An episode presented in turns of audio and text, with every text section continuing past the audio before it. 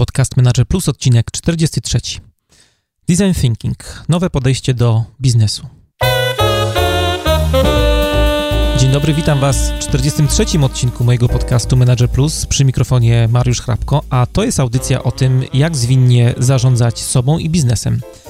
Jeżeli chcecie, żeby coś zmieniło się w Waszym życiu i czujecie potrzebę ciągłego szlifowania swoich umiejętności, zapraszam do słuchania moich audycji.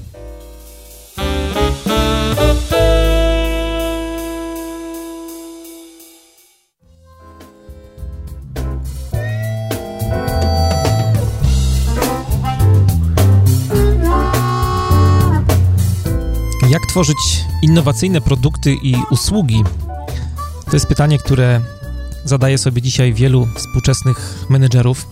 Dzisiaj powiemy sobie o metodzie, która mówi, że zamiast zakładać, że wiemy, czego chce od nas klient, to lepiej najpierw zapytać go o zdanie, a potem zrobić prototyp, bo inaczej nasz produkt może okazać się totalnym bublem, totalnym niewypałem.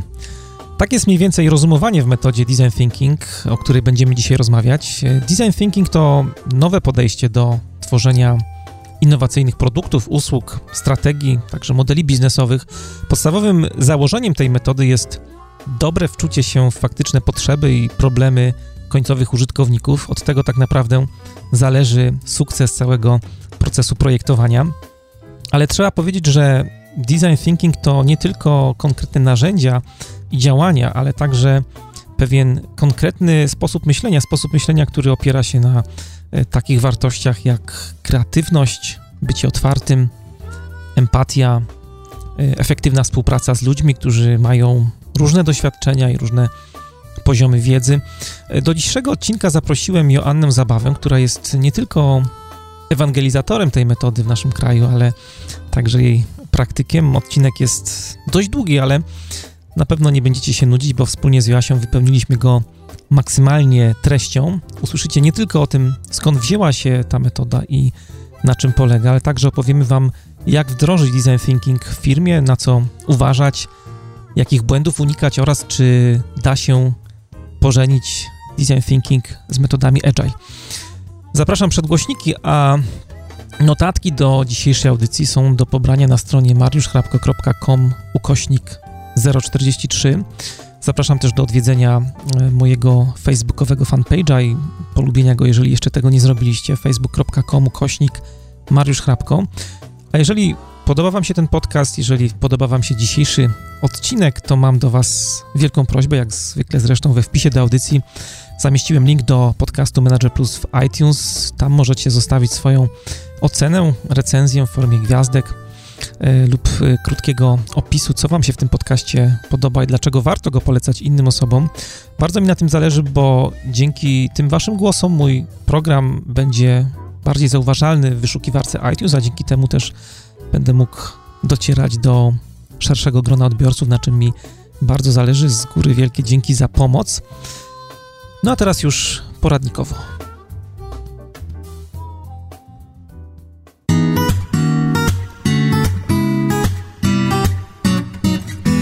poradnikowo. Nozbi.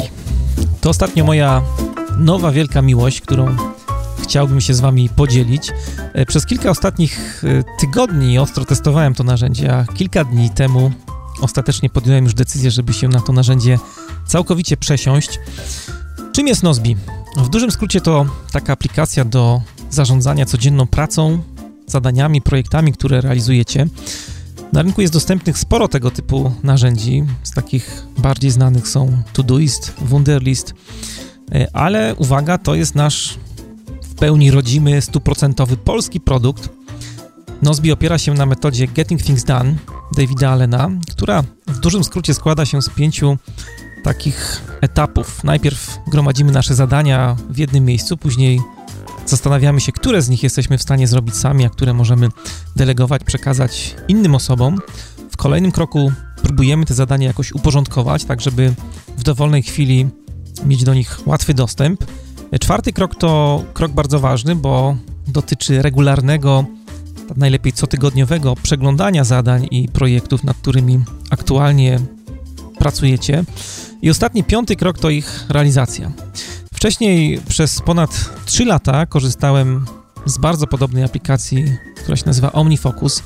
I po wielu poszukiwaniach wydawało mi się, że to jest to, że to jest narzędzie, którego szukam. No ale jak zacząłem testować Nozbi, zmieniłem zdanie i tak jak mówiłem, od kilku dni pracuję wyłącznie z tym narzędziem. Wszystkie projekty i zadania przeniosłem już z OmniFocusa na Nozbi, a zrobiłem to głównie z trzech powodów. Przede wszystkim trzeba wspomnieć, że Nozbi daje możliwość współdzielenia projektów z innymi członkami zespołu. I to jest niesamowita wartość dodana tego narzędzia. Dzięki temu w łatwy sposób mogę pracować z innymi osobami nad moimi projektami, na przykład z Asią, która zajmuje się planowaniem i koordynacją projektu, który ma nazwę podcast. Druga rzecz, na którą chciałem zwrócić uwagę, to zarządzanie priorytetami. W OmniFocus wykorzystywałem do tego flagi, które no były, nie ukrywam, trochę toporne. Jakoś e, dało się z tym żyć, ale w Nozbi zarządzanie priorytetami jest e, naprawdę dziecinnie proste, mm, czyli dokładnie takie, jakie powinno być. E, do każdego zadania możecie sobie przypiąć gwiazdkę, która mm, automatycznie powoduje, że dane zadanie ląduje na liście zadań z najwyższym priorytetem. I dodatkowo za pomocą funkcji drag and drop możecie też e, dowolnie porządkować zadania między sobą, nie tylko te, które są w skrzynce zadań priorytetowych. No i ostatnia rzecz, na którą chciałem zwrócić uwagę, a która mnie urzekła w tym narzędziu, to bardzo prosty, intuicyjny interfejs, na co, jak pewnie wiecie, zawsze zwracam uwagę. Bardzo zachęcam do wypróbowania Nozbi w praktyce. Aplikacja jest dostępna na wszystkich platformach. Możecie wybierać między wersją bezpłatną, wersją Pro i wersją Business. Każdy na pewno znajdzie coś dla siebie.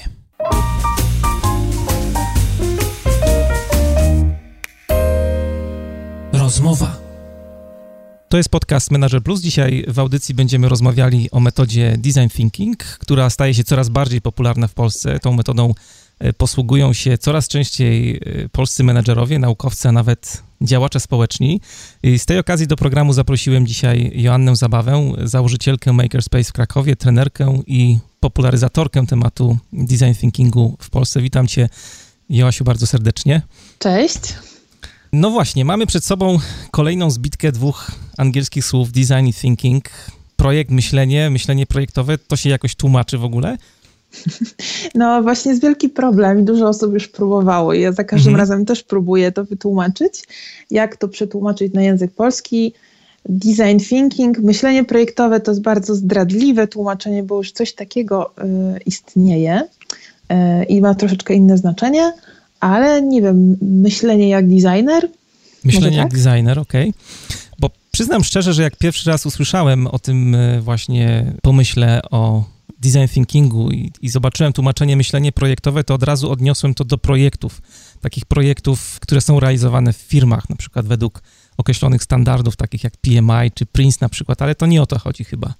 No właśnie to jest to obciążenie semantyczne w, w, Polsce myślenia projektowego. Też y, w samym designie ono jest trochę obciążone, bo y, tutaj wieloletnia tradycja myślenia projektowego, y, prawda, Pawłowskiego i innych wielkich guru polskiego projektowania.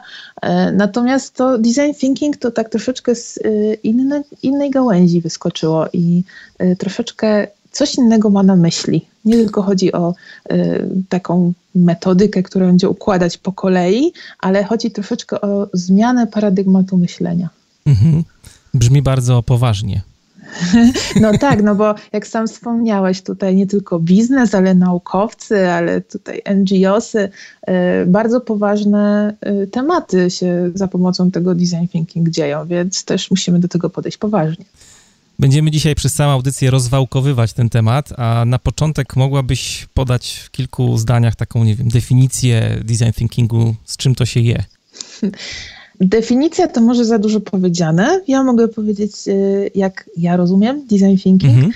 Y, I według mnie to jest mm, ustrukturyzowany sposób myślenia, który pozwala nam na innowacyjne rozwiązywanie problemu albo wspomaga innowacje w rozwiązywaniu problemów, o może tak. Mhm. I składa się z stałych pięciu części, które w sposób iteracyjny zmieniają się, może tak. Bardzo trudno jest to powiedzieć w formie jednej definicji, bo sprawa jest skomplikowana, kiedy się o niej mówi i bardzo prosta, kiedy się ją praktykuje. A wspomniałaś, że design thinking wiąże się ze zmianą e, paradygmatu myślenia. Mogłabyś powiedzieć parę słów na ten temat, o co chodzi? Zmieniamy podejście mentalne do e, design thinkingu? E, tak, bo często się przedstawia i to znajdziecie pewnie w wielu materiałach w internecie, czy na wielu, wielu dyskusjach, w wielu prezentacjach o design thinking, takie, mm, takie zetknięcie tradycjonalnego myślenia i design thinking.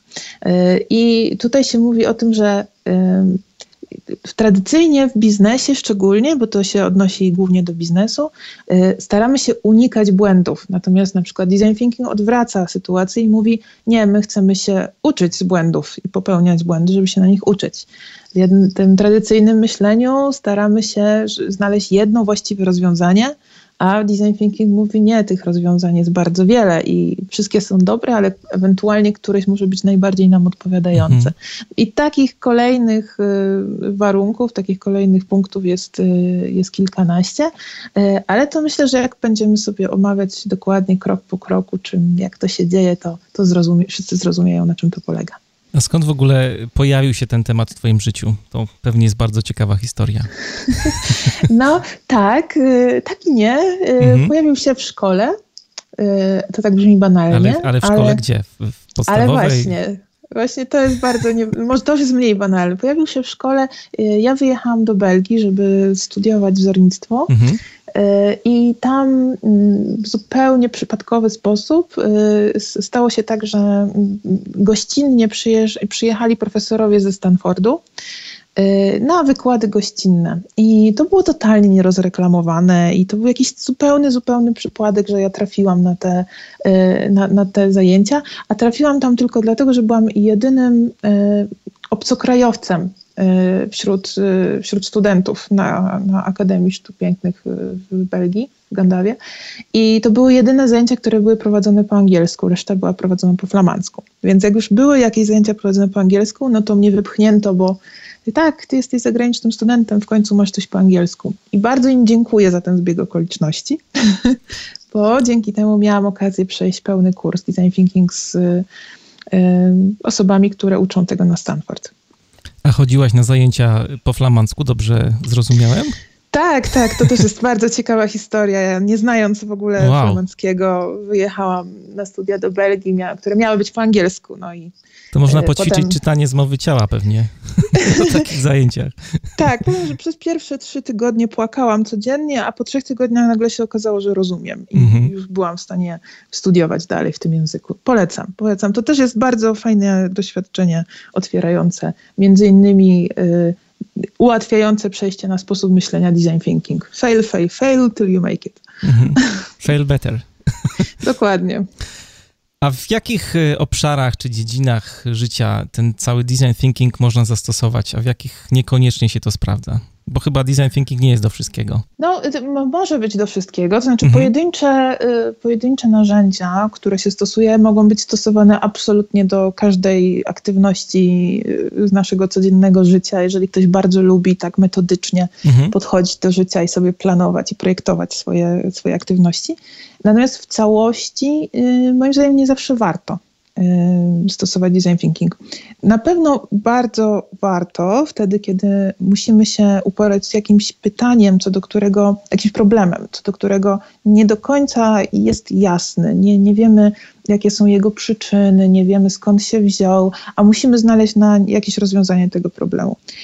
Kiedy szukamy innowacji, to znaczy szukamy czegoś, czego do tej pory nie było nigdzie, Mm, I musimy mm, no, odwrócić sytuację, bo tu nie chodzi o to, żeby y, znaleźć jakiś kolejny produkt, który będzie bez sensu, tylko znaleźć wartość, która, znaleźć tą potrzebę, która jest w ludziach, którą możemy zaspokoić. To wtedy jak najbardziej tak. Y, czy, y, czy warto stosować design thinking na przykład w edukacji?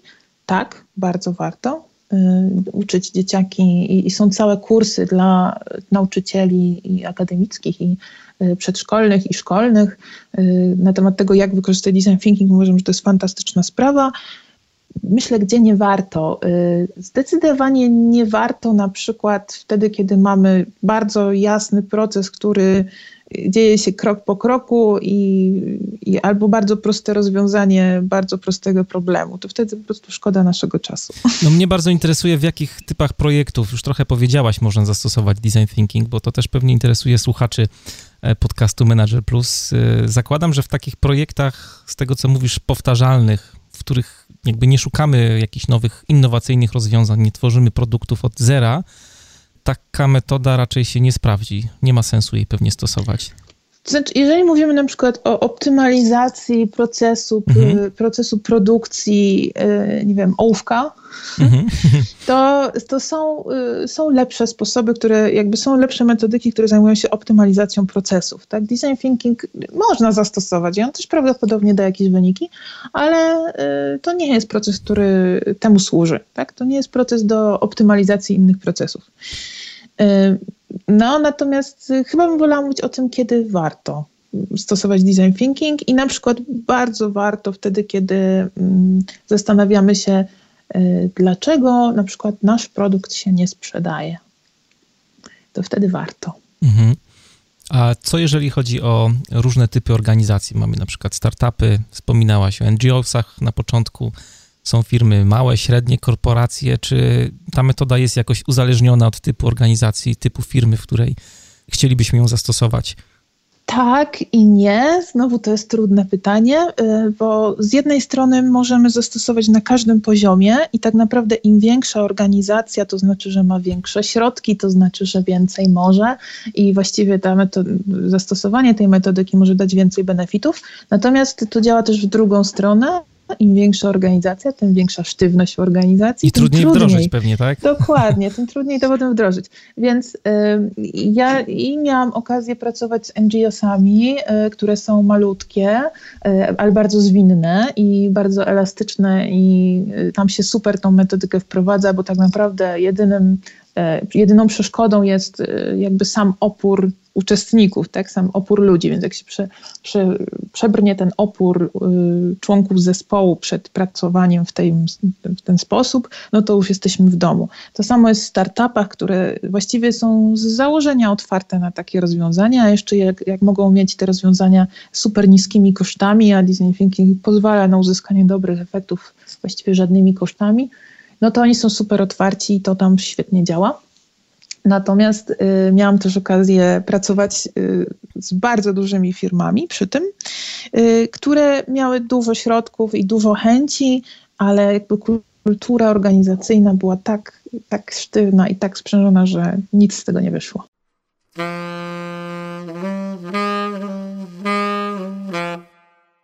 A jeżeli popatrzylibyśmy na role na przykład projektowe, bo są różne osoby, które biorą udział w projektach, są designerzy, są, nie wiem, kierownicy projektów, są jacyś analitycy, e, osoby, które rozwijają produkt, testerzy i tak dalej. Czy ta metoda jest uzależniona jakoś od konkretnej roli albo jest dla konkretnej roli?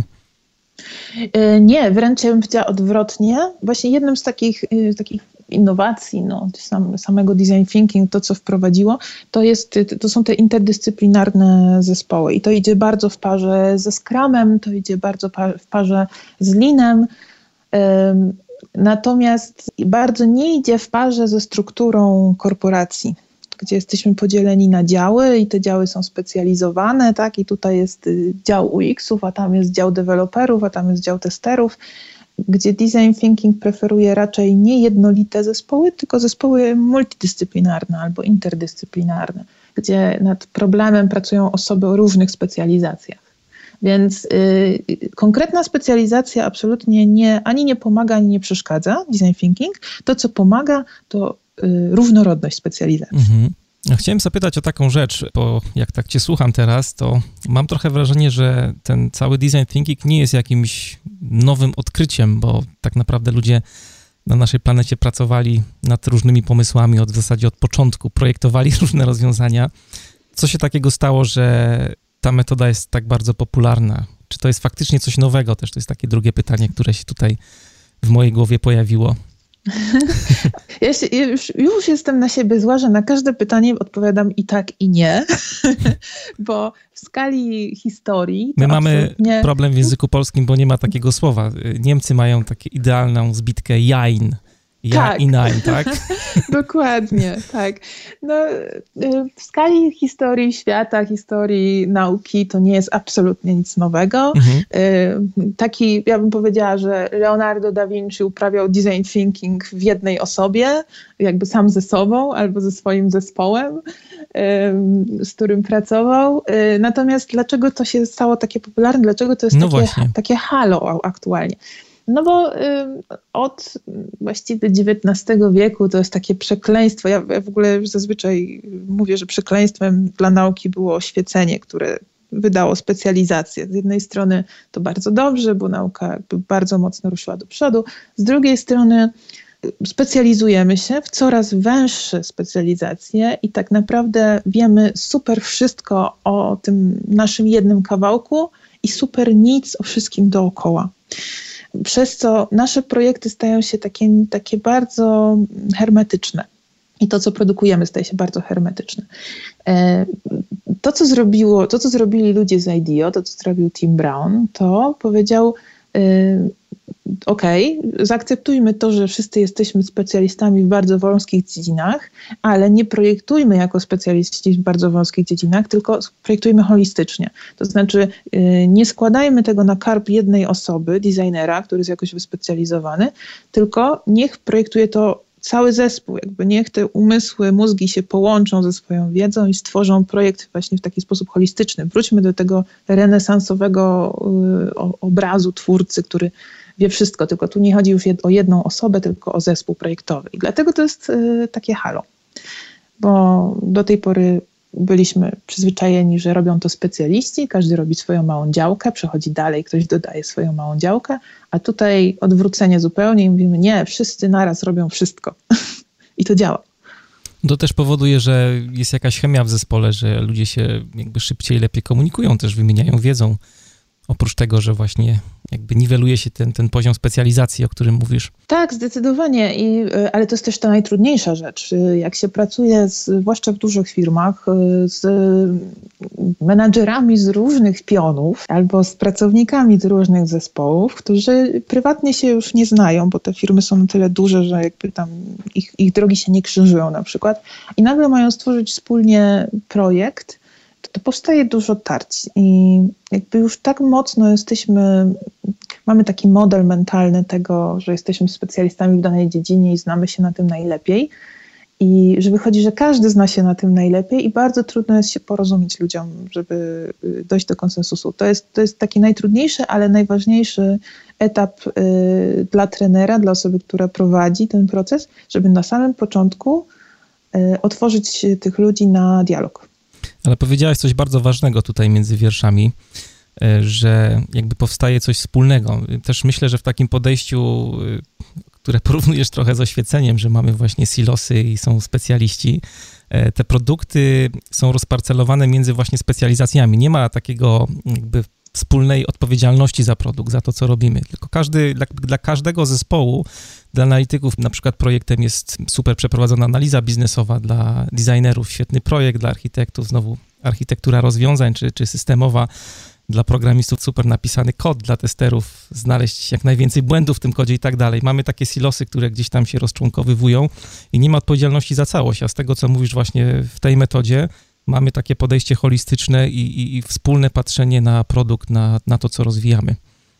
E, tak, i to jest bardzo ważne, chyba taka jest siedem takich mindsetów, które D-School, czyli e, chciałabym szkoła, która tworzy, kultywuje, jakby propaguje design thinking, przedstawiła. I jednym z tych mindsetów jest e, to, że znaczy ono nie jest wprost wyłożone, wyrażone, ale że należy budować na swoich pomysłach nawzajem. I, I, to jest jeden z też takich przykazań burzy mózgów, tak, żeby nie, nie kilować nawzajem te swoje pomysły, tylko jeżeli ktoś coś wymyślił, to następna osoba nadbudowuje na tym, nadbudowuje na tym. I to jest bardzo trudne, bo trzeba się wyzbyć y, takiego poczucia właścicielstwa pomysłu. Mhm.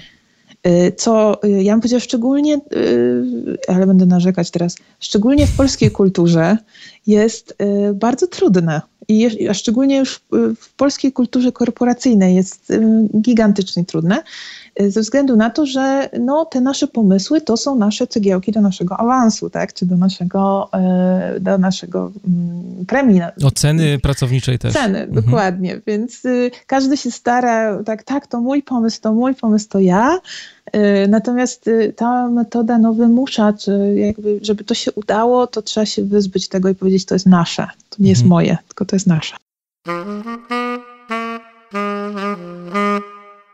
Jak e, wywołałaś tutaj szkołę D-School, to chciałem zapytać o taką jedną rzecz. E, przygotowując się do audycji, znalazłem taki wywiad z profesorem Hasso Platnerem, w którym e, to, to był człowiek, który jest współzałożycielem SAP-a i blisko 11 lat temu przeznaczył dość sporą sumę pieniędzy na to, żeby tą, tą szkołę w ogóle sfinansować na Stanfordzie.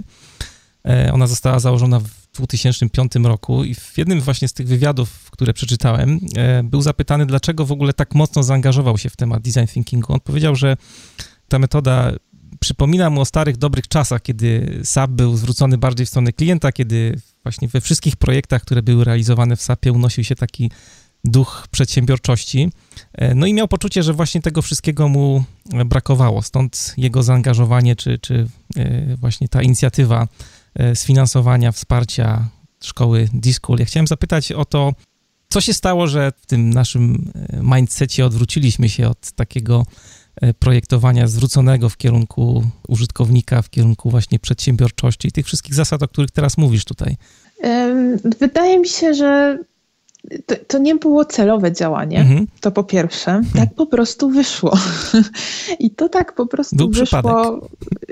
Znaczy, przypadek, y, to nic niby nie dzieje się przypadkiem. Tak?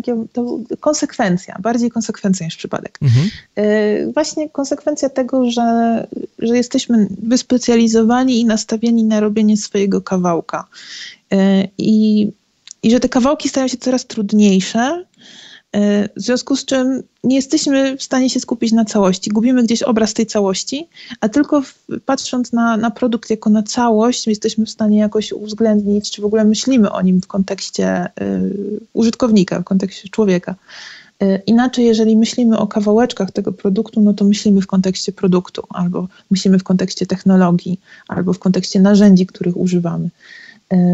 I, I, to jest po prostu nieuniknione. To nie jest niczyja wina. To też nie ma co się jakoś tam biczować z tego tytułu. E, na szczęście pojawiło się, e, pojawiły się mądre osoby, które e, stwierdziły dość tego, tak? potrzebujemy czegoś innego i, i, i zastosujmy tutaj nowe, spróbujmy spojrzeć na to inaczej. Natomiast ja będę bardzo podkreślać, że to nie jest tylko przejście na jakby na human center, tak? Tylko tych mindsetów jest dużo więcej i, i, I, to są y, mindsety, które jak się je czyta, to one są totalnie jakby taką oczywistością. Y, nie wiem, czy ty y, miałeś kontakt z tymi mindsetami? Nie, możemy je wymienić, jeżeli możesz. Mhm. O jednym no powiedziałaś już. Tak, więc human centered to jest chyba ten taki najbardziej podstawowy, tak, czyli nakierowanie na człowieka. I kolejny to jest, y, mówi się o nakierowaniu na akcję, tak, bias toward action. Mhm. To jest y, taki mindset, który mówi nie, nie siedźmy i nie gadajmy i nie, omawia, nie mówmy o tym, jak jest to bardzo trudne i albo jak to jest bardzo skomplikowane, tylko spróbujmy coś zrobić. Czyli bardziej na, jesteśmy nastawieni na działanie niż na analizę. Potem jest show, don't tell. To jest takie bardzo też y, trudne dla osób, które nie są designerami, to znaczy y, zamiast o czymś opowiadać, zamiast coś opisywać, to po prostu to pokaż, tak, narysuj, jakby obraz tu się liczy. Chodzi o tą wizualność, żeby wprowadzić dużo więcej wizualności. Y, z jakiegoś powodu w firmach, czy w korporacjach szczególnie, zupełnie odeszło się od wizualności. Wszystko się dzieje w tabelkach, wszystko się dzieje w dokumentach, w słowach, natomiast y, słowa mają taką właściwość, że każdy ma swój zakres semantyczny danego słowa i one się trochę pokrywają, a trochę nie. I stąd potem mnóstwo nieporozumień między ludźmi, którzy jedni mówią coś, inni rozumieją coś innego i trudno się dogadać jest takie przykazanie kolejne, które mówi craft clarity. To jest y, chyba najtrudniejsze do opisania, o co chodzi, ale tak mówiąc najprościej, y, staraj się przedstawiać wszystko wprost. wszystko jasno tak, żeby nie, nie ma co owijać w bawełnę, zważać na grzecznościowe formy, tylko kiedy projektujemy, jesteśmy w procesie projektowym, to wal wprost. o co ci mhm. chodzi? A to ja to zrozumiałem jako właśnie trzymanie się takiej prostoty w designie bardziej, a tutaj chodzi o coś innego z tego, co mówisz. To znaczy, nie, no to te nastawienia mają to do siebie, że y, to, to, też nie jest tak, że mm, jakby to, o czym ja mówię, jest jedynym rozumieniem tego słowa, mhm. bo jak najbardziej trzymanie się prostoty w designie, to też, bo to też jest właśnie to mówienie wprost, tak, to nie owijanie w bawełnę, pełne, tylko y, na takim już poziomie zupełnie projektowym. Czyli jak projektujesz wiem, narzędzie do siedzenia, to projektuj narzędzie do siedzenia, a nie krzesło. Mhm. To jest y, taki klasyczny przykład, który się designerom podaje, że, że nie tylko krzesło jest narzędziem do siedzenia. Jakby, żeby się nie opakowywać w te różne takie uprzedzenia też. To, to, to Założenia, tak. Tak, założenia. Radical collaboration to jest to, o czym mówiłam wcześniej, czyli y, żeby się wyzbyć tego, troszeczkę tego ja, że to jest mój pomysł, tylko y, jesteśmy właśnie w takiej radykalnej współpracy, czyli do końca wszystko jest nasze, jesteśmy jednym zespołem i robimy to razem i razem przez, przechodzimy przez trudne momenty, razem y, przechodzimy przez sukcesy, ale co najważniejsze, mamy ten, ten, ten wspólny umysł grupowy, tak? Nie, e, nie oceniamy, nie wykluczamy, tylko działamy wspólnie. E, no i ta kultura prototypowania, eksperymentowania to, to, to jest kolejny mindset. E, to jest też coś, co było do tej pory bardzo rzadko spotykane, co właściwie design thinking przywróciło na taką szerszą skalę. Coś, co chyba też Lean bardzo mocno propaguje, to znaczy takie, twórzmy takie MVP i je testujmy, tak? Minimum Viable Product. E, twórzmy takie malutkie e, produkciki, które już można komuś dać i zobaczyć, co się z nimi stanie. Nie dopracowujmy do największych szczegółów, nie dopracowujmy do e, jakichś tam super drobnych, kosmetycznych poprawek. Jeżeli coś już działa, to testujmy to. E, no i bądź świadom procesu, to jest chyba ostatni z mindsetów, to znaczy taki najbardziej chyba metapoznawczy, czyli y, jeżeli jesteś w fazie empatii, bądź w fazie empatii, a nie w fazie definiowania. A jeżeli jesteś w fazie prototypowania, to bądź w fazie prototypowania, a nie w fazie ideacji. I, I, to jest też, co ja bardzo zawsze podkreślam i staram się y, uczestnikom y, takich procesów uświadamiać, że każdy z tych procesów, ma, każdy z tych etapów procesu ma swoje prawa i z tych praw należy korzystać i poza nie nie wykraczać. O krokach w procesie będziemy mówić za chwilę. Y, chciałem jeszcze tutaj y, dopytać, czy słuchacze mogą sobie gdzieś odszukać tą listę tych mindsetów, ten manifest design thinkingu y, w sieci, czy jest jakiś link, gdzie można coś takiego znaleźć? Oczywiście. No, przede wszystkim to, co ja bym poleciła, to jest strona IDEO i właściwie wystarczy wpisać Design Thinking IDEO w Google i wyskoczy cała lista ale to jest kilka stron internetowych. Może być designthinking.ideo.com, a może być e, www.ideo.com. Wszędzie tam znajdziemy e, linki i różne prezentacje odsyłające nas i do tego, jak wygląda proces i jakie są mindsety. Natomiast to, co ja najbardziej polecam, to mm, właśnie na stronie Discool jest taki kurs, który nazywa się Bootcamp i y, ten bootcamp to jest taka, taka prezentacja, seria slajdów, które właściwie uczą nas od podstaw i takich uczą nas podstaw design thinking, uczą czym to jest, jak do tego podejść i jak z tego skorzystać, bo to od razu jest praktyka. A to jest taki online'owy kurs, czy, czy raczej seria prezentacji artykułów na ten temat? To jest, znaczy, to nie jest kurs online'owy, bo to nie, nie można jakby wziąć udziału w kursie online'owym bezpośrednio, znaczy hmm, tam jest kilka możliwości, ale to o czym ja mówię, ten bootcamp, mhm. to jest y, prezentacja, którą się y, drukuje, zabiera i organizuje własną grupę i, i na własną rękę przeprowadza taki proces process. Pod Rozumiem. jakby dyktando tego, tego programu, który tam jest napisany. Natomiast jest możliwość faktycznie zrobienia kursu internetowego na Diskulu. To jest wtedy tak, e, to też jest bardzo fajna opcja, bo tylko trzeba zebrać sobie zespół osób, które są chętne do tego, zgłosić się tam kilka razy do roku jest taka możliwość, zgłosić się na taki kurs internetowy. No i wtedy mamy e, takiego trenera e, z Diskula, który przez internet się z nami kontaktuje i pomaga nam, jak my prowadzimy prowadzimy ten proces, wykonujemy zadania, on sprawdza, co zrobiliśmy i nam podpowiada, co zrobić dalej. No można też panią Jasię zabawy zatrudnić. Wtedy jest wszystko po polsku i osadzone Mo w kontekście, w kulturze tak. naszej. Także. Jak najbardziej można. Jest też bardzo wiele, jest wiele y, innych bardzo dobrych trenerów w Polsce. Już teraz jest to bardzo popularne i dlatego polecam, bo design thinking, niektórzy mówią tak, że o, w Polsce nie można się nauczyć design thinking, bo tutaj źle uczą albo coś źle. Ja bym powiedziała tak, nie da się źle nauczyć podstaw design thinking. Y, te podstawy są tak proste i tak oczywiste i tak nieskomplikowane, że y, te zasady, które są opisane przez Discourse są tak wprost wyjaśnione, że trudno to przekręcić, to ewentualnie czego można się bać, to później złego dobrania narzędzi do konkretnych zadań, czego się już nie da nauczyć niestety z żadnej książki, ani z żadnego kursu, tylko trzeba to ćwiczyć w praktyce i najlepiej poradzić się jakiegoś doświadczonego trenera, doświadczoną osobę prowadzącą y, procesy, żeby pomogła nam to dobrać, bo to jest coś, czego no niestety z żadnej książki się nie nauczymy, ani z kursu.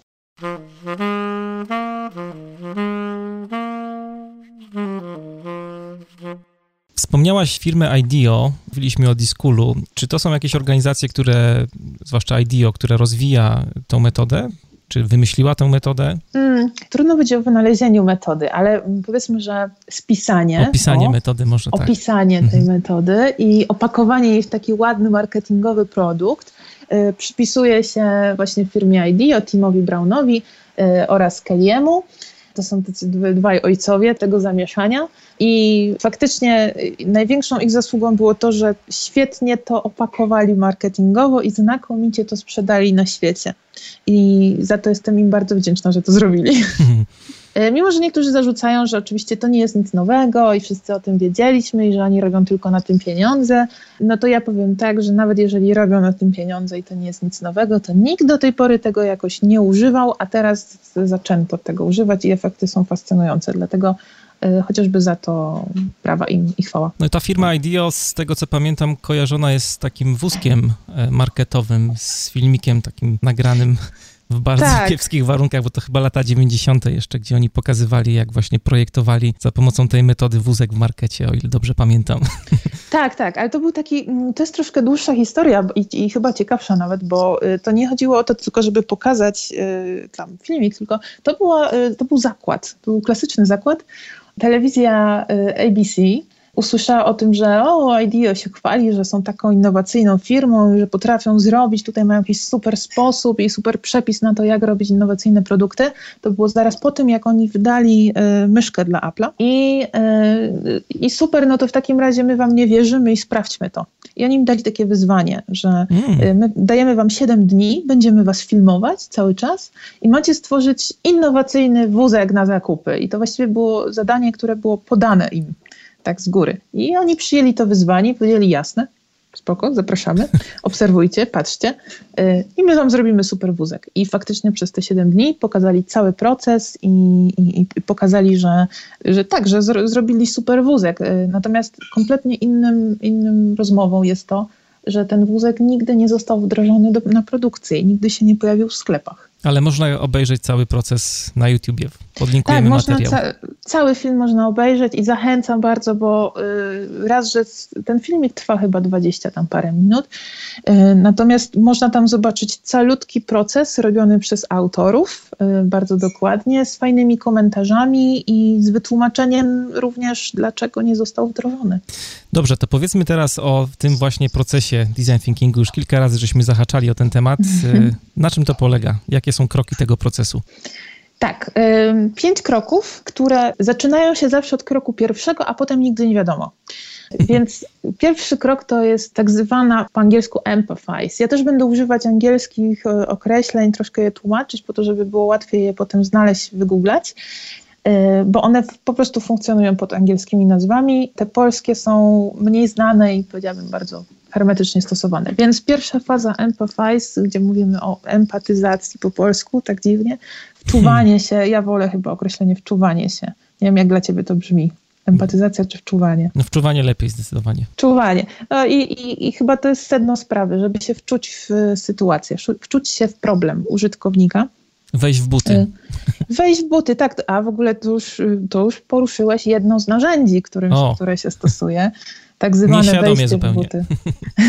No bo to, jest, to są bardzo intuicyjne narzędzia. W fazie Empathize y, chodzi o to, żeby zaobserwować y, problem, o którym mówimy w życiu. Y, Żeby zobaczyć, jak to się naprawdę dzieje. Czyli jeżeli chcemy, dajmy na to, zastanawiamy się, mm, a może będzie fajnie, jak ty podasz problem. Spróbuj podać mi jakiś problem. Hmm, Mariuszu, to nieprzygotowany jestem w ogóle na takie pytanie. zaskoczyłam cię. Bo myślę, że to, to może być ciekawsze. Problemem może być e, co na przykład tutaj? Mam się jakoś ograniczać do obszaru, czy nie? Możesz, możesz powiedzieć o jakimś problemie, który, który ciebie dotyczy. Ciebie jako prowadzącego podcast. No jak, zwiększyć liczbę słuchaczy na przykład podcastu Manager Plus? Super. No to biorąc, biorąc taki problem, jak zwiększyć liczbę, to, to, to już zacznijmy od tego, że to jest źle postawiony problem, Super, w, jak chodzi o design thinking, bo ale jest tam taki jeden mindset, o którym mówiłaś, żeby właśnie oswoić się z błędami, także Tak, tak, tak, jak od najbardziej. razu zaczynamy dobrze chyba. Y, Jak najbardziej, bo y, już jakby w samym problemie, który określiłeś, jest bardzo dużo założeń. I teraz y, na tej fazie em- empaty, empatyzacji, wczuwania się, będziemy się starali eksplorować jak najwięcej w tym temacie. Czyli przede wszystkim chcielibyśmy się dowiedzieć, kto obecnie słucha tego Tak, bo podcastu. w tym problemie założyłem, że nie mam wielu słuchaczy, a tak nie jest oczywiście. Czyli jak E, mieć, nawet- jak mieć więcej słuchaczy niż mam, tak? O, no okej. Potem musielibyśmy, chcielibyśmy zobaczyć, w jakich warunkach oni słuchają tego podcastu, w jakich sytuacjach, bo to jest bardzo istotne. Czyli na przykład spróbowalibyśmy takiego shadowingu, tak? to jest jedno z narzędzi, y, czyli ja, ja starałabym się odszukać y, jednego z Twoich słuchaczy y, i spędzić z nim dzień. Poprosić go, żeby pokazał mi zawartość swojej torby. To jest inne narzędzie. Torby? Tak, swojej torby podręcznej. A po I co? spróbować się jak najwięcej dowiedzieć na jego temat, bo y, zawartość naszego portfela i naszej, naszej torebki, Aha. torby, którą nosimy przy sobie, bardzo dużo o nas mówi. Mówi do, dużo o naszych zwyczajach, mówi dużo o naszych nawykach. I na tej podstawie mm, właśnie mm, śledzenia przez cały dzień takiej osoby, ale nie śledzenia jak taki creepers, tylko jakby za zgodą oczywiście świadomą tej osoby, fotografowania y, miejsc, w których ona Mhm. przebywa i sytuacji, w których słucha tego podcastu. E, Oczywiście nie jednej osoby, tylko kilku najlepiej. Mm, Na podstawie tych, y, tych artefaktów, które ze sobą nosi, starałabym się stworzyć persony osób, które, y, które są Twoimi słuchaczami. Czyli takie bardzo E. realne osoby, tak? Które słuchają audycji. No właśnie, persona to niekoniecznie jest bardzo realna osoba. Persona to już jest taki troszeczkę zbiór kilku osób. Taki troszeczkę, to nie powiem stereotyp, to Typ, kategoria osoby może. y, typ, no może tak być. Na przykład tak. Jarek, 32 lata, tak, pięć razy w tygodniu chodzi na siłownię i słucha podcastu właśnie wtedy. Bardzo możliwe i być może słucha tego podcastu właśnie ćwicząc na siłowni. Na przykład. I być może w ogóle ludzie, którzy ćwiczą na siłowni, są idealnymi odbiorcami Twojego y, podcastu. Mhm. Być może należałoby go tak sformatować, na przykład dodać mu w tle jakiś tam bicik, który pomaga im ćwiczyć, ale to już teraz właśnie przeskoczyłam e, dwie fazy dalej, mówiąc takie rzeczy, ale wiem, że czasami, e, kiedy pomagam e, tworzyć takie persony, to trzeba uzmysłowić, zwłaszcza jeżeli ktoś to robi pierwszy raz, po co to się robi. I, I takie persony tworzymy po to, żeby mm, stworzyć sobie takiego prototypowego odbiorcę, w tym wypadku słuchacza, i dowiedzieć się jak najwięcej o tym, o, o tym czego, jakie on ma potrzeby, jakie on ma potrzeby, czego słucha, e, w jakich sytuacjach, o czym myśli, kto jest jego najbliższymi, a może nie słucha tego sam, tylko może słuchają to w grupie, a może słuchają to w pracy, może traktują to jako rozwój zawodowy. Takich rzeczy musimy się dowiedzieć. I też do tego służy takie super narzędzie, które nazywa się e, Empathy Maps. Myśmy rozmawiali o tym też wcześniej, które mm, na takiej konkretnej personie wymaga od nas, żebyśmy powiedzieli, że w tej sytuacji, co taka osoba myśli, co czuje, co widzi, co robi, co mówi, co słyszy, jakie są jej. Yy, jakie są jej takie, to się mówi pains and gains, czyli jakie są jej mm, rzeczy, które jej przeszkadzają, które ją bolą i takie rzeczy, które, y, które ona by chciała osiągnąć. Ale to się wszystko robi na podstawie takich założeń pewnie, tak? No bo skąd mamy wiedzieć, jakie są odczucia danych osób? Cały czas jakby bazujemy na pewnych założeniach. No właśnie nie bazujemy na założeniach. Mhm. To jest kolejna rzecz, która jest bardzo ważna w design thinking. Bazujemy na obserwacjach, a nie na założeniach. Czyli naprawdę musimy wyjść w to miasto, naprawdę musimy spotkać tę osobę, yy, porozmawiać z nią, na przykład przeprowadzić z nią wywiad. To też jest jedno z, jedno z narzędzi. Yy, no naprawdę za nią pochodzić i porobić te zdjęcia, żeby potem mieć materiał, albo ponagrywać filmiki, które będziemy później z tych filmików też robić takie yy, ma, maszapy, to się mówi, ale to... Maszapy, tak? Tak, no takie pocięte fragmenty, które się odtwarza później jakby dużo osób w podobnych sytuacjach, tak? I wtedy mamy pewien wzór, ojejku, ja, znowu będzie brakować po, polskich nazw. Będziemy szukać patternów, wzorców. Będziemy szukać Ale wzorce takich... przyjęło się w języku polskim, także bardzo często się używa już, więc... A, no to będziemy szukać pewnych, pewnych wzorców, pewnych prawidłowości. Wzorce projektowe, na przykład design patterny. Tak, no właśnie. I te, więc na tym polega ta, ta pierwsza faza wczuwania się, że mamy się jak najwięcej dowiedzieć o obiekcie naszych zainteresowań. W tym mhm. wypadku słuchaczach Twojego podcastu.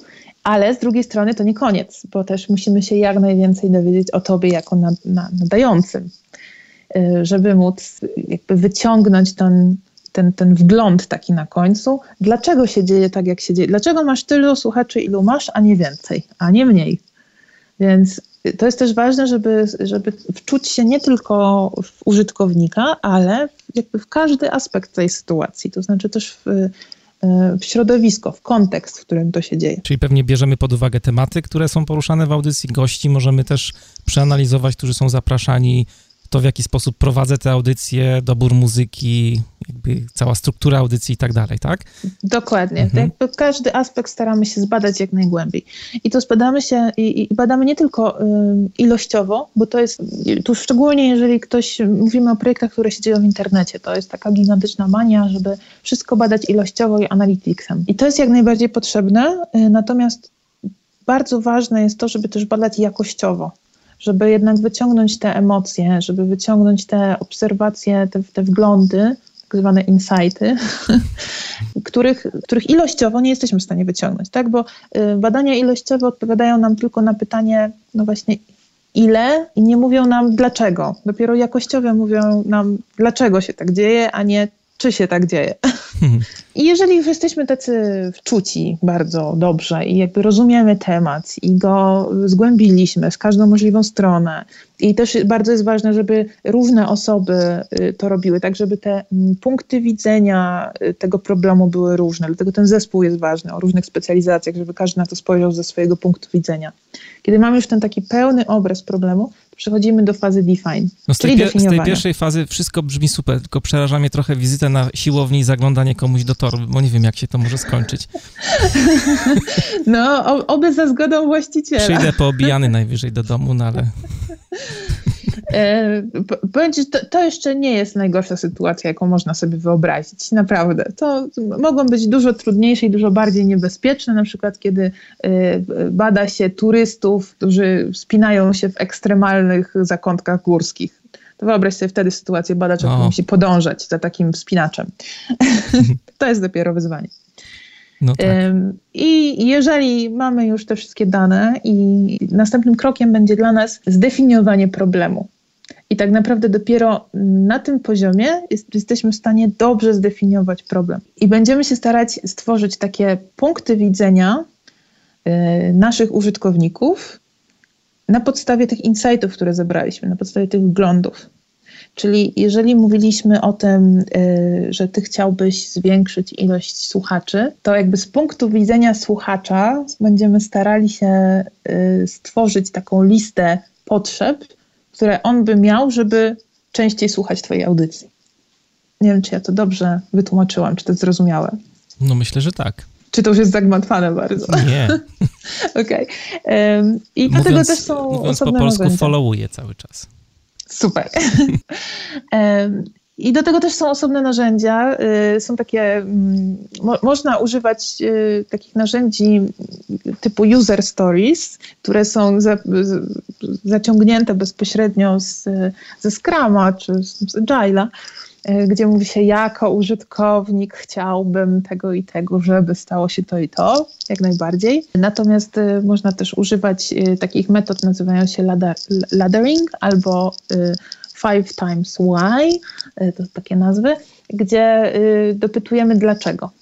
Czyli dlaczego, nie wiem, słuchanie tej audycji jest ważne, dla ciebie, użytkowniku, e, bo dowiaduje się nowych rzeczy, dlaczego chcesz się dowiadywać nowych rzeczy, e, żeby, nie wiem, być mądrzejszym, dlaczego zależy ci na tym, żeby być mądrzejszym, e, bo uważam, że to jest, jakby, że to jest sedno, jakby najważniejsza sprawa w życiu, żeby rozwijać swoją mądrość. I dlaczego najważniejszą sprawą w twoim życiu jest rozwijanie mądrości, nie wiem, bo żadna inna wartość nie wiem, nie, nie przebija tej. Ja teraz tak mówię z głowy i to są oczywiście bzdury, to co ja mówię, y, bo, bo nie są prawdziwe, tak, bo je wymyślam, ale kiedy rozmawiamy z prawdziwymi użytkownikami, to te odpowiedzi są naprawdę bardzo zaskakujące czasami. Y, I bardzo zaskakujące jest wniknięcie w, na poziom wartości tych użytkowników i dowiedzenie się, dlaczego właściwie oni coś robią. O tej metodzie pięć, pięciu razy dlaczego słyszałem, a ta metoda laddering na czym polega? Też dotyczy pytań dlaczego, bo to jest, ma coś wspólnego z drabiną? Tak, tak. To też jest bardzo podobne, tylko że jakby już nie wymuszamy pytania dlaczego, to na przykład kierujemy się pytaniem jak. Jak coś robisz? Mhm. Chodzi o to, żeby po prostu schodzić na kolejne poziomy drabinki, pytając ciągle, dopytując e, w tym samym kierunku. Tak, to jest y, właściwie five times why, to jest y, odmiana, typ, odmiana ladderingu. Rozumiem. Więc tu nie ma jakiejś wielkiej różnicy. No i teraz, teraz są dwie drogi, tak? Bo mówiłam, że zawsze zaczynamy od, od pierwszej y, fazy, a potem nie wiadomo. No i właśnie w tej, w tej, kiedy weszliśmy już do tego, w tej fazy define i staramy się zdefiniować problemy, które nas interesują, to może się okazać, że jesteśmy w stanie je zdefiniować albo nie. I jeżeli nie jesteśmy, to znaczy, że należy wrócić do pierwszej fazy. To znaczy, że nasza empatyzacja była mm, za, za płytka, że nie wczuliśmy się wystarczająco albo zebraliśmy za mało danych. I to jest, to jest ta iteracyjność w procesie design thinking. To znaczy, że na każdym etapie, jeżeli nie jesteśmy usatysfakcjonowani wynikami, to należy się wrócić o krok wcześniej, albo o dwa kroki wcześniej, albo o trzy kroki wcześniej. Czy te iteracje mają jakiś czas trwania? Jest jakieś założenie odnośnie tego, jak długo powinniśmy na przykład, nie wiem, empatyzować albo jak długo definiować, czy to jest zależne już po prostu od specyfiki projektu? Znaczy, nie ma żadnej, absolutnie żadnej reguły.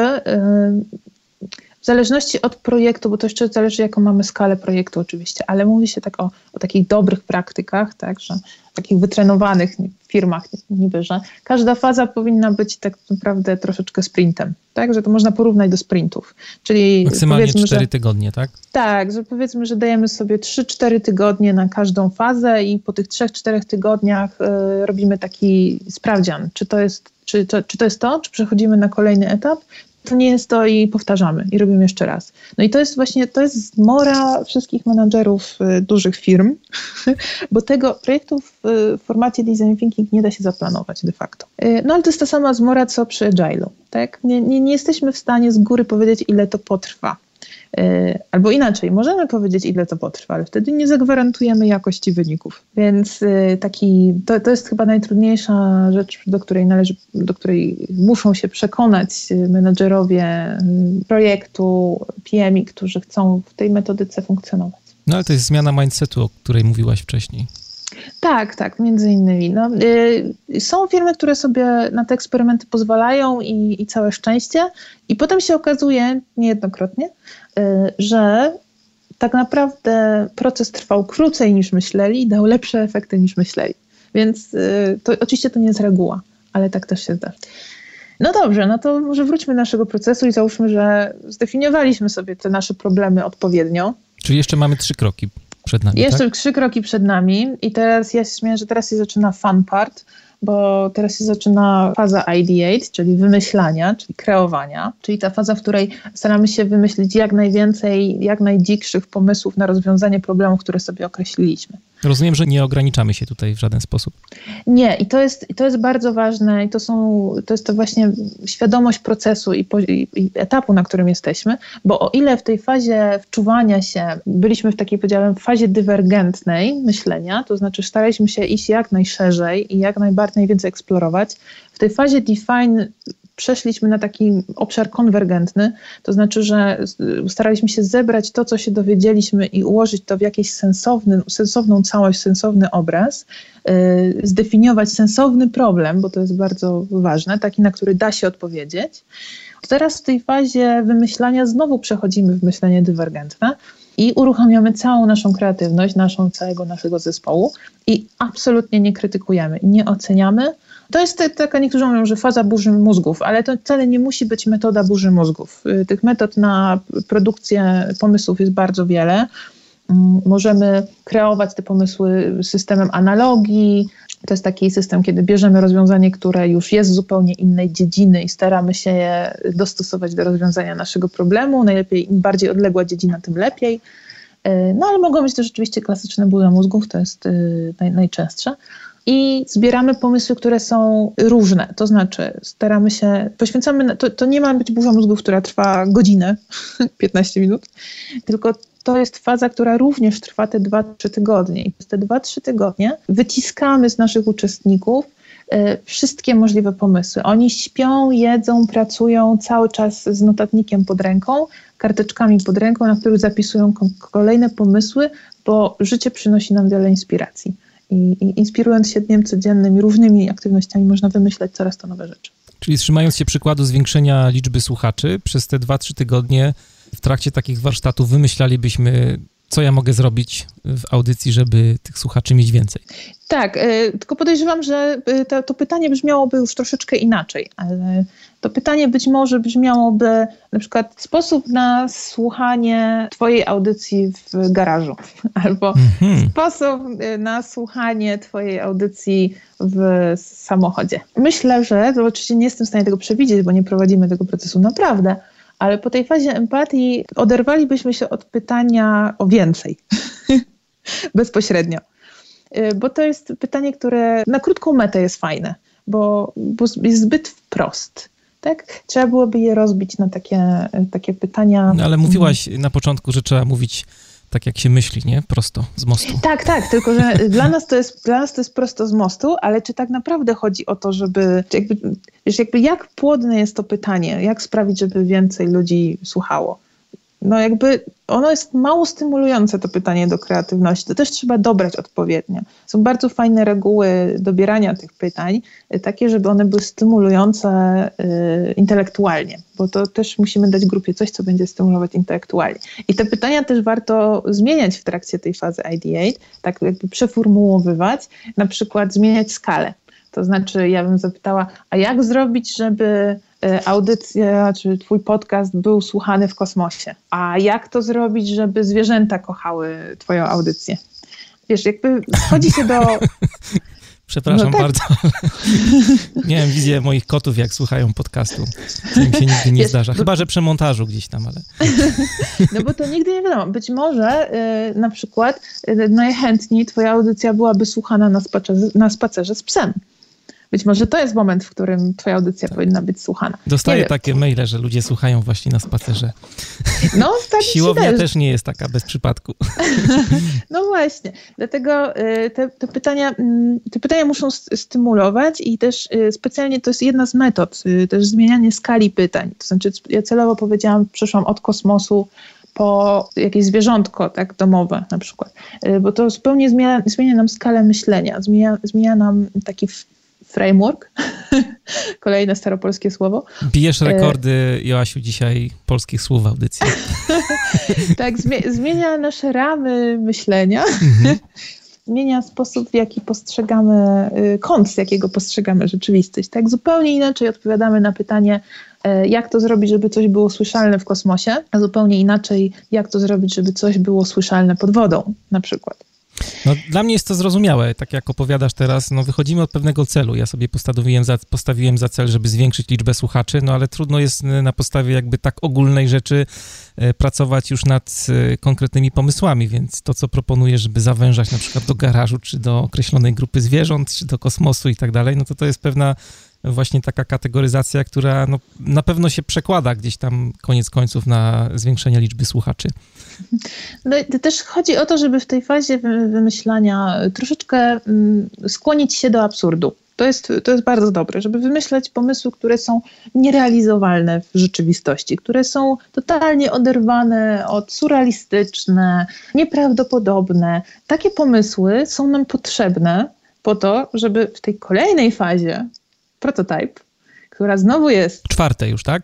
W czwartej, tak, która znowu jest konwergentna, czyli tak przechodzimy, rozszerzamy i skupiamy, rozszerzamy i znowu skupiamy, żeby je właśnie uprawdopodobnić. Czyli bierzemy te wszystkie szalone pomysły, kategoryzujemy je sobie, jakoś je mm, sortujemy, Oczywiście musimy przyjąć jakieś kryteria, to w grupie się uzgadnia kryteria ze względu na pro, problem, nad którym pracujemy, to dobiera się te kryteria. E, takim mm, częstym, takim w sumie najsłynniejszym sposobem kategoryzacji, no to jest tak zwany Matrix 4, tak, czyli rysujemy sobie takie dwie osie, oś pionową, oś poziomą, które się przecinają w połowie. No i na tych osiach dajemy tak naprawdę dwie wartości i ich odwrócenie, i ich przeciwieństwa na drugim końcu. Czyli na przykład możemy sobie powiedzieć coś, co jest łatwe i coś, co jest trudne do zrealizowania, a na drugiej osi coś, co jest drogie i coś, co jest tanie w realizacji. I w ten sposób mamy taką matrycę, na której y, możemy sobie kategoryzować te pomysły, no to jest taka chyba najbardziej słynna i popularna metoda kategoryzacji, często stosowana w firmach, która pozwala nam na wyłonienie takich czterech kategorii pomysłów, między innymi quick winów, czyli coś, co jest e, i łatwe, i tanie w realizacji. I to firmy kochają najbardziej. Potem są te pomysły, które są trudne w realizacji, ale też są tanie. Też zazwyczaj to w drugiej kolejności się bierze pod uwagę. Te, które są Y, trudne, ale tanie, no to, yy, przepraszam, te, które są drogie, yy, ale łatwe, o to sobie bierze w trzeciej kolejności, natomiast te, które są i drogie, i trudne, w ogóle się odrzuca. Tak więc to jest taki sposób na to, żeby sobie yy, odsiać część tych pomysłów, których wiemy, że nigdy w życiu nie będziemy w stanie zrealizować. Y, I w tej fazie prototypowania taką bardzo ważną, bardzo istotną rzeczą jest to, żeby zrobić to, y, żeby ubrudzić łapki w końcu Czyli nie tylko opisujemy, nie tylko słowami, nie tylko rysunkiem, ale budujemy fizyczne prototypy tych rzeczy. Czasami to może być, zwłaszcza w przypadku jak zwiększyć słuchalność jakiegoś programu, to, to może się wydawać abstrakcyjne. No jak to zbudować fizycznie odpowiedź na to pytanie? Ale to jest też sposób kreacji, to jest też sposób yy, tak naprawdę myślenia innowacyjnego. No ale takim prototypem może być tutaj na przykład to, co mówiłaś wcześniej, zmiana muzyki w podcaście, czy dodanie jakichś bitów w trakcie rozmowy, żeby na przykład, nie wiem, sfokusować się na grupie słuchaczy, którzy słuchają podcastu w garażu na przykład, albo na siłowni, jak, tak? Jak najbardziej, tak, jak najbardziej. Ale też y, może być tak, że ktoś w ramach wizualizacji tego rozwiązania zacznie budować jakieś radio jakieś, jakieś urządzenie, które nadaje. I być może to urządzenie na przykład będzie istotne, żeby było, nie wiem, mm, miało jakiś szczególny kształt, który pozwala na, na użycie tego urządzenia w bardzo szczególnym momencie. E, no już najbardziej chyba banalną odpowiedzią w tym wypadku, która mi przychodzi do głowy, to jest to, żeby była opaską, która jednocześnie mierzy tętno i e, nadaje ten podcast, tak, tam się zapisuje. Bo, no bo wtedy, prawda, biegacze mają dwie funkcje w jednym. Ale to tu mówię o takim banalnej rzeczy, ale istotą sprawy jest to, że czasami z tak abstrakcyjnego pytania możemy dojść do pomysłu na bardzo sensowny produkt, którego się w ogóle nie spodziewaliśmy na początku. Bo być może y, odpowiedzią na Twoje pytanie nie są żadne akcje marketingowe, ani zmiana sposobu nadawania Twojej audycji, tylko wprowadzenie jakiegoś y, produktu. W ten sposób powstał iPod, właśnie taką drogą hmm. myślenia. Y, więc być może chodzi o jakiś zupełnie nowy produkt, którego, którego istnienia potrzeby do tej pory sobie nie uświadamialiśmy, a on załatwił przy okazji y, zwiększenia ilości słuchaczy Twojego podcastu, załatwiłby jeszcze parę innych problemów, o których nie myśleliśmy na początku. I załóżmy, że mamy takich prototypów 5, y, 10, im, oczywiście im więcej, tym lepiej, i robimy szybkie testy. Testy to jest już piąta faza tego procesu, to znaczy wczuliśmy się, problem, zdefiniowaliśmy, na czym polega ten problem, wymyśliliśmy dzikie rozwiązania, po czym sprototypowaliśmy je w takiej formie namacalnej i testujemy. Czyli idziemy do użytkowników, idziemy do tych ludzi, być może nawet tych samych, y, o których byliśmy wczuwając się, do tych naszych y, użytkowników wzorcowych, pokazujemy im to, co wymyśliliśmy, dajemy im to do ręki i pytamy, co ty o tym sądzisz? Co to jest? Jak byś tego użył? Albo nie wiem, używaj tego przez tydzień, będę cię obserwował, co z tym robisz. I to jest y, albo zakończenie takiej jednej dużej iteracji, albo nawet zakończenie procesu, chociaż to jest mało prawdopodobne, bo prawdopodobnie w tej fazie testów wyjdzie, że to trzeba poprawić, tamto trzeba poprawić, to nie działa, tutaj przestrzeliliśmy, bo myśleliśmy, że to będzie fajne, a nikt tego nie odbiera jako fajne, więc trzeba się wtedy wrócić prawdopodobnie, albo y, ten błąd wynikał z tego, że źle zdefiniowaliśmy problem, więc trzeba się wrócić do fazy define, albo źle sprototypowaliśmy być może jakiś pomysł, który był fajny, bo jakby idea jest super, ale realizacja jest kiepska, więc trzeba się wrócić do fazy prototype. No i w ten sposób zataczamy takie kółeczka i ulepszamy nasz produkt aż do momentu, kiedy będziemy usatysfakcjonowani. Wspominaliśmy trochę o e, agile'u wcześniej. E, możesz powiedzieć, jak metoda design thinkingu łączy się z tym podejściem, bo wiem, że masz doświadczenie też w tym temacie. E, tak. To jest trudny temat. Bo na pewno, na pewno można powiedzieć, że tych pięć kroków, o których opowiadałaś wcześniej, bardzo fajnie tutaj pasuje do wykorzystania e, tych narzędzi przy okazji właśnie budowania backlogu produktu, pracy z biznesem, z product ownerem, ale też e, po tych pięciu krokach mam wrażenie, że jest przejście do fazy działania, do, do realizacji tych pomysłów i tutaj jest moment, gdzie pojawia się właśnie Agile. Tak, i, i to, jest, y, to jest trudne i to wymaga pewnej decyzji y, takiej już na samym początku.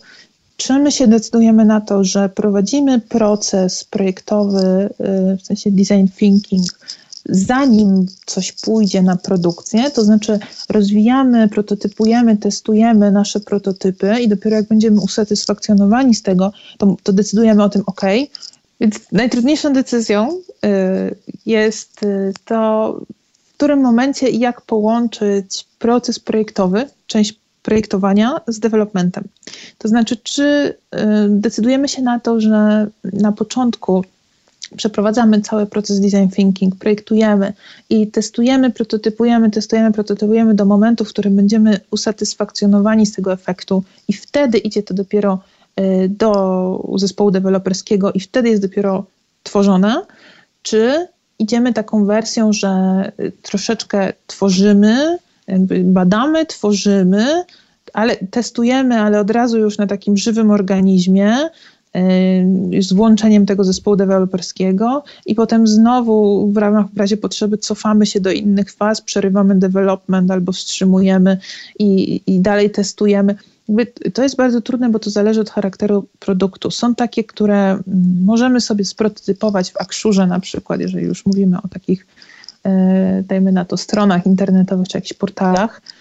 Mm, I wtedy faktycznie możemy sobie bez, tej, bez tego zespołu deweloperskiego, bez y, dużych kosztów y, prototypować i testować na użytkownikach, oczywiście wtedy w małej skali czy y, no, produkt jest na tyle skomplikowany i ma na tyle dużo różnych zależności, że nie jesteśmy w stanie tego zrobić w jakimś programie y, prototypującym, nie wiem, jakimś UXPinie albo Axurze albo jakimś InVision, tylko potrzebny jest y, autentyczny, pełny development łącznie z podpięciem silników backendowych i tak dalej.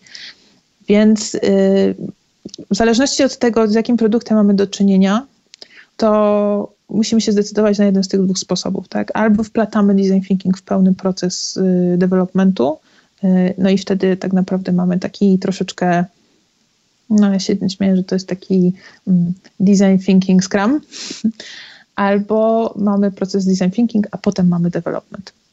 No to pierwsze podejście, szczerze mówiąc, mnie się bardziej podoba, bo jakby metody zwinne zakładają jednak właśnie też interdyscyplinarność zespołu i trudno jest wyłączać zespół na przykład skramowy od jakby procesu e, jakby rozwijania produktu. Ja przynajmniej jestem fanem, żeby jednak zespół od początku e, uczestniczył w rozwijaniu tego pomysłu razem z biznesem czy, czy z product ownerem. A z tego, co mówisz, tutaj mogą być dwie opcje. Albo pierwsza jest taka, że zupełnie ten design thinking czy proces wymyślania rozwiązania jest wydzielony poza zespoły jakby agile'owe i ktoś przygotowuje na przykład biznes, konkretne rozwiązania i dopiero później jest to wstrzykiwane do pierwszego sprintu zespołu skramowego na przykład. Albo ten drugi pomysł jest taki, że jakby zespół od pierwszego sprintu uczestniczy y, w wymyślaniu jakby rozwiązań razem z product ownerem, z biznesem. To znaczy, może być w takiej wersji, ale może być w takiej wersji, że w tym pierwszym etapie, kiedy mówimy sobie, jeszcze nie wchodzimy w koszty developmentu, y, osoby z zespołów skramowych, jakby, nie wiem, również deweloperzy tam i frontendowcy, backendowcy, osoby, które będą później zaangażowane, mają swój, tak, mają swój udział w tym procesie, jak najbardziej. Tylko y, ja bardziej mówię o, o, o o pewnych kosztach, tak? Bo czy tworzymy produkt, który już jest bardzo um, autentyczny, tak? Tworzymy takie fragmenty produktu, w który władowujemy dużo kosztów, a wiemy, że trzeba będzie go poprawiać ewentualnie, czy y, działamy na prototypach, na jakichś wersjach tańszych, niepełnych, y, i dopiero z produktem, z którym jesteśmy zadowoleni, wchodzimy na, to, na te wysokie koszty. Prawdę mówiąc, bardzo trudno jest mówić o tym tak y, teoretycznie. No dużo łatwiej myślę, że byłoby to do zrozumienia, jeżeli mówilibyśmy na przykładach. Natomiast nie jestem w stanie powiedzieć Wam tego na przykładach ze względu na oczywiście NDA-ki, jakie mhm. obowiązują w firmach. Więc nawet y, gdybym bardzo chciała, to, to porozmawiajmy o tym teoretycznie. No w każdym bądź razie ważne chyba jest to dla osób, które słuchają tej audycji i pracują w zespołach agile'owych, że takie małżeństwo jest możliwe i jak najbardziej polecanej. Ja przynajmniej jak ciebie słucham, to e, widzę tutaj dużo wartości dodanej dla zespołów czy dla pracy na przykład biznesu. E, natomiast już konkretne e, implementacje tego rozwiązania, no to pewnie zależą od specyfiki klienta, firmy. No i tak jak mówisz, decyzji o tym, jak bardzo kosztowo chcemy w to wchodzić. Tak, tylko najgorsze jest to, żeby nie wpaść w taką pułapkę, taką pułapkę bo to się bardzo często zdarza, y, że robimy y, design thinking, tak, decydujemy się design thinking Scrum, ale potem jakby robimy ten Scrum i design thinking trochę jak waterfall. No tak, bo tutaj z tego, co mówisz, to można potraktować ten, tę fazę iteracji design thinkingowej, okropnie to brzmi, jako właśnie taką, taką fazę w waterfallu, tak jak mówisz. Tak, i tego trzeba, trzeba być bardzo ostrożnym i wyczulonym na tym, na tym punkcie, bo to niestety potrafi no, zniweczyć, e, e, zniweczyć całą, całą pracę, całą robotę. E, natomiast mm, myślę, wydaje mi się, że są lepsze jeszcze teraz już metodyki niż design thinking. Jeszcze lepsze? Jeszcze lepsze, mhm. które służą specjalnie rozwojowi oprogramowania, bo design thinking nie był y, robiony z myślą o rozwoju oprogramowania, to trzeba sobie powiedzieć wprost. Y, on był tworzony z myślą o projektowaniu produktów, takich 3D, takich właśnie typu myszka do komputera, mhm. y, o projektowaniu usług, czyli taki klasyczny service design, i, czyli na przykład y, poprawie jakości służby zdrowia, poprawie edukacji, poprawie obsługi klienta w oddziale, czy w jakiś. To, y, do tego design thinking jest perfekcyjny. Natomiast jeżeli mówimy o rozwoju oprogramowania, to przez lata było, były takie wzmożone próby y, wdrożenia, łączenia tych metod Natomiast y, są pewne braki pomiędzy, takie, takie dziury pomiędzy tymi metodykami. Y, I mm, już paru mądrych ludzi wymyśliło, co z tym zrobić.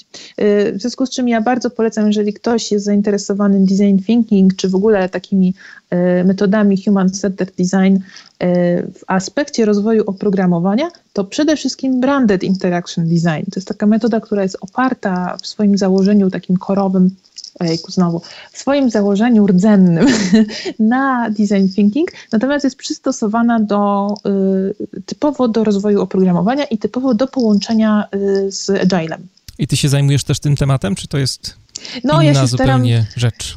Ja się staram popularyzować ten, ten temat w Polsce. On jest taki na razie bardzo świeży, bardzo mało osób o nim mówi. Y, ja staram się jeździć po konferencjach i o tym opowiadać powoli zaczyna się budzić e, jakieś zainteresowanie, e, ale powoli. To jeżeli macie jakieś swoje zespoły, które chciałyby pracować właśnie na przykład używając filozofii design thinking w połączeniu z rozwojem oprogramowania, to koniecznie musicie porozmawiać z Asią na ten temat. E, ze mną jak najbardziej zapraszam, natomiast przede wszystkim ja bym się zwróciła chyba do źródła Branded Interaction Design, y, czyli do mm, autorów Będzie jakiś link, książki. rozumiem, czy książki? Tak, tak, bo y, tutaj autorem książki, która ma tytuł Branded Interaction Design jest Marco Spies. Y, to jest taki niemiecki designer z Berlina, to jest całkiem niedaleko. Y, Think Moto nazywa się jego, mm, jego biuro projektowe. Są bardzo fajnymi, otwartymi ludźmi, z którymi można sobie na przykład napisać maila i porozmawiać na ten temat. Aż tak. Tak, tak. Y, Ja tak trafiłam właśnie na Branded Interaction, że przy, przy, zobaczyłam ich książkę, a później mnie to zainteresowało, a ponieważ jestem dość bezczelnej natury, to napisałam do nich maila y, i tak zaczął się nasz kontakt. Ym, I ja bardzo polecam, bo, y, bo jakby Branded Interaction opisuje nam, oni, oni y, patrzą na, mm, na tą metodykę i, i proponują kolejne fazy y, od razu w połączeniu i z myślą o developmencie. Y, I tam po tej fazie testowania jest w ogóle od razu wdrożona faza implementacji. W sensie, że jest jako Mhm. kolejnym krokiem. Mhm. Y, I mało tego, że faza implementacji, to potem faza wprowadzenia na rynek, bo się okazuje, że to jest jeszcze zupełnie inna bajka, bo możemy wyprodukować jakiś produkt, w sensie zrobić tam development, tak, produkt sobie działa, ale wprowadzenie go na rynek i, y, i przekazanie go do ludzi, to jest jeszcze zupełnie inna bajka. Y, I to jest super, że design thinking tego mm, metodycznie nie ogarnia, bo jakby nie jest zainteresowany w ogóle tą fazą i tą specyfiką. Y, Natomiast Branded Interaction jak najbardziej w bardzo ciekawy i taki przystępny sposób, łącznie z kon- konkretnymi narzędziami, przedstawia, jak to zrobić. Ile lat zajmujesz się już y, wdrażaniem design thinkingu w firmach, czy propagowaniem tego tematu? Ojej, teraz mi zadałaś pytanie. Y, Ile No to lat? jest bardzo ambitna audycja, słuchaj, także E, Ile lat? E, Teraz muszę szybko w głowie policzyć. No, ja myślę, że około ośmiu. 8 Ale, y, Mhm. Tak, ale to jest. y, To, mm, jakbym chciała być uczciwa, to, y, to, to nie jest prawdziwa odpowiedź, bo to jest tak, że ja ten design thinking przywiozłam jako, jako totalnie jako fanka do Krakowa, kiedy gdzie wróciłam, żeby dokończyć dyplom. Y, I tam zaczęłam propagować to wśród no, moich znajomych, wśród projektantów, bo studiowałam wzornictwo przemysłowe. Y, Tam znalazłam kilka osób, które też okazało się, że są tym zainteresowane troszeczkę z innej strony. I, i to była y, Karolina Perin, która y, właściwie to y, zmotywowała mnie właściwie do, do szerszego zajęcia się tym problemem, takim, takiego popularyzowania tematu. I to właściwie od tamtego czasu, czyli to jest troszkę więcej niż 8 lat, y, to, to, to, to chodzę wszędzie i mówię o tym temacie. I, I na początku troszkę ludzie podchodzili do tego z rezerwą, potem z coraz większym zainteresowaniem, potem się okazało, że w ogóle jest jakiś super boom i wszyscy chcą pracować design thinking, więc bardzo się cieszę. A jakie są najważniejsze lekcje, które przez te lata wyciągnęłaś z wdrażania tej metody? E, No przede wszystkim, że nie zawsze, nie dla wszystkich i nie do wszystkiego. Chociaż y, to jest taki mit, który pokutuje wokół design thinking, że, że właśnie jest do wszystkiego i zawsze. E, Ale zdecydowanie nie. Jeżeli chcemy robić rozwój dewelop- deweloperski, tak, rozwój produktów e, cyfrowych, to troszeczkę inaczej. Jeżeli mówimy o service designie, y, to troszeczkę jest inne podejście, a jeszcze y, trzeba rozróżnić, że inaczej trzeba podchodzić do projektowania usług komercyjnych czy dla firm, a zupełnie inaczej do projektowania usług niekomercyjnych, czyli na przykład dla NGO-sów. Ym, I, ym, I właśnie, i też, że nie zawsze, y, nie zawsze warto forsować. O, tak bym powiedziała, nic na siłę. Bo kultura organizacyjna jest bardzo y, rzeczą taką trudną do przebicia i, i to może zniechęcić ludzi i może zniechęcić zespół, bardzo go sfrustrować, bo zespół się stara i robi fantastyczne rzeczy, a po prostu w danej organizacji w danym momencie nie ma na to możliwości, żeby, żeby coś się zadziało. To należy odpuścić, tak? Należy powiedzieć, że trudno, spróbujmy jeszcze raz, na przykład za pół roku. Mhm. To są chyba najważniejsze lekcje, jakich się nauczyłam, czyli nie zawsze, nie wszędzie, i nie do wszystkiego. A załóżmy, że jakiś menadżer, na przykład e, Menadżer Plus chciałby tę metodę wdrożyć e, w swoim projekcie, w swoim zespole. Od czego powinien zacząć? Powinien zacząć od przyjrzenia się swojej organizacji. To po pierwsze. I powinien zacząć od stworzenia dobrego środowiska, sprzyjającego środowiska do wprowadzenia takiej metodyki. To znaczy, warto, żeby warto, żeby się sam dowiedział y, na ten temat, co, ale zakładamy, że już wie, czym jest design thinking, tak, bo już jest przekonany do tego, że Słuchał audycji na przykład naszej dzisiejszej. Słuchał, tak, słuchał audycji, przeczytał y, na stronie IDEO wszystkie y, dostępne teksty, zrobił sobie kurs bootcampowy i mało tego jeszcze przeczytał książkę z o Branded Interaction, żeby się upewnić, że na pewno chce design thinking, a nie Branded Interaction. Y, jest przekonany, tak. To za, za, powinien zacząć od ewangelizacji w swojej y, organizacji tego. To znaczy uzgodnienia czy powolnego wprowadzenia, proponowania, y, mówienia o tym, co to jest, tak żeby powoli przygotować mentalnie ludzi pracujących w tych organizacjach na, na to, co się stanie. I żeby oni wiedzieli, co się stanie i nie byli przerażeni, jak to się stanie. No i tutaj musi się liczyć, że będzie miał dużo odpowiedzi w stylu u nas się tego nie da zrobić. Tak, ale to nie, nie, nie, trzeba się zrażać, y, bo jeżeli nie da się zrobić właściwie dlaczego? No dlatego, że nikt do tej pory tego nie robił prawdopodobnie. Ale to, że nikt tego do tej pory nie robił, to nie znaczy, że tego się nie da zrobić. To tylko znaczy, że nikt do tej pory nie próbował. E, więc y, jasne, niech próbuje. E, niech się nastawi, że to będzie bardzo trudne, e, jeżeli się nastawi, że to będzie bardzo trudne, to nic go nie rozczaruje negatywnie, co najwyżej zaskoczy pozytywnie wtedy. E, I niech zacznie od szukania zespołu. To jest bardzo ważne. Odpowiednich ludzi. E, bo jeżeli jest w firmie, e, w której każdy ma jakieś tam swoje zadania, swoją cząstkę, jeżeli wymyślił sobie, do czego chce zastosować tą metodykę, jak, z jakim problemem chce się uporać za pomocą tej metodyki, to powinien, y, pierwszym krokiem powinno być znalezienie zespołu, czyli osób, które również są otwarte mentalnie na to, chcą w tym uczestniczyć, są gotowe na to, że to nie będzie proste za pierwszym razem, ale lubią być pionierami. Y, to jest taki troszeczkę rys charakterologiczny zawsze tych pierwszych zespołów, że lubią być pionierami. Y, osoby, które tak, o, o silnej osobowości to będzie potrzebne na pewno, w takim sensie silnej, że świadome swojego ekspertstwa, a z drugiej strony jakby potrafiące otworzyć się na ekspertstwo innych, jakby świadome swojego ekspertstwa w tym sensie, że wiedzą, gdzie jest granica ich wiedzy. Także ja znam się na tym i na tym i jest ktoś, kto poza granicami mojej wiedzy też jakby jest ekspertem. To jest też ważne. I tutaj Jak pewnie na początku też jest dobrze poopowiadać tym ludziom, na czym to polega. Ta prezentacja, o której wspominałaś, bootcamp, y, da się ją wykorzystać do tego? Jak najbardziej, tak, tak. Ona jest w takiej formie bardzo zabawowej, takiej bardzo y, luźnej, y, ale to mi się wydaje, że to jest y, potrzebne w momencie, y, kiedy ludzie stykają się z tym po raz pierwszy. Bo jeżeli zetkną się z tym na poziomie y, nudnego wykładu metodologicznego, to totalnie nie chwycą tej zajawki. A to jest, y, częścią tej metodyki jest to, że ma się zajawkę i, i że chce się to robić i ma się energię do tego, bo to wymaga dużo energii. Y, więc jak najbardziej warto. Warto wziąć taki zespół albo na takie jednodniowe szkolenie, y, w którym albo samemu zrobić dla zespołu taki, taki bootcamp. Dlaczego nie?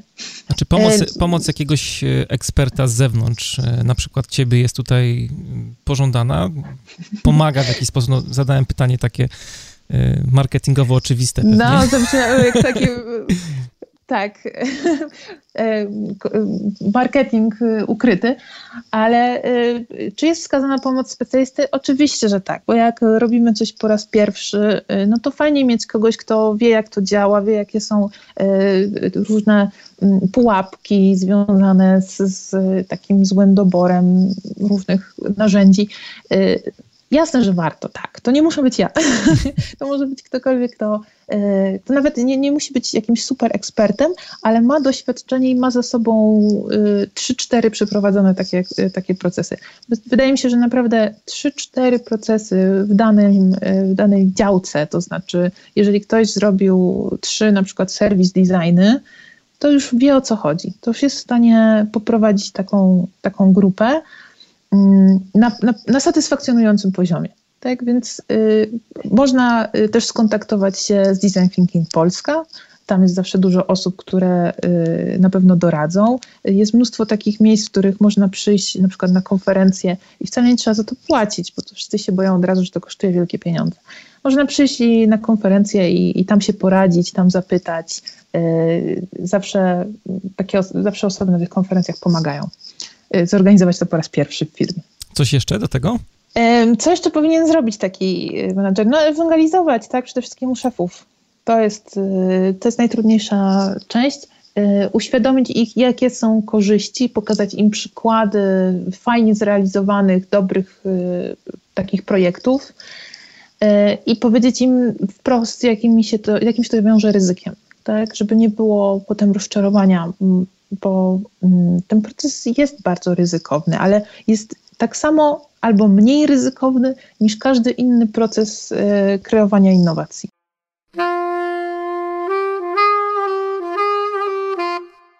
Jest dla mnie jeszcze tutaj jedna taka rzecz ciekawa, o której powiedziałaś na początku, jak dotknęliśmy tematu wdrożenia, że menadżer powinien sprawdzić, czy organizacja jest gotowa na takie podejście właśnie do projektowania. I tutaj odwdzięczę Ci się trochę za te wszystkie angielskie słowa, czy, czy trzeba zrobić jakiś assessment na początku organizacji, jakąś ocenę taką, czy firma faktycznie się do tego nadaje? Praktykujesz o, takie rzeczy?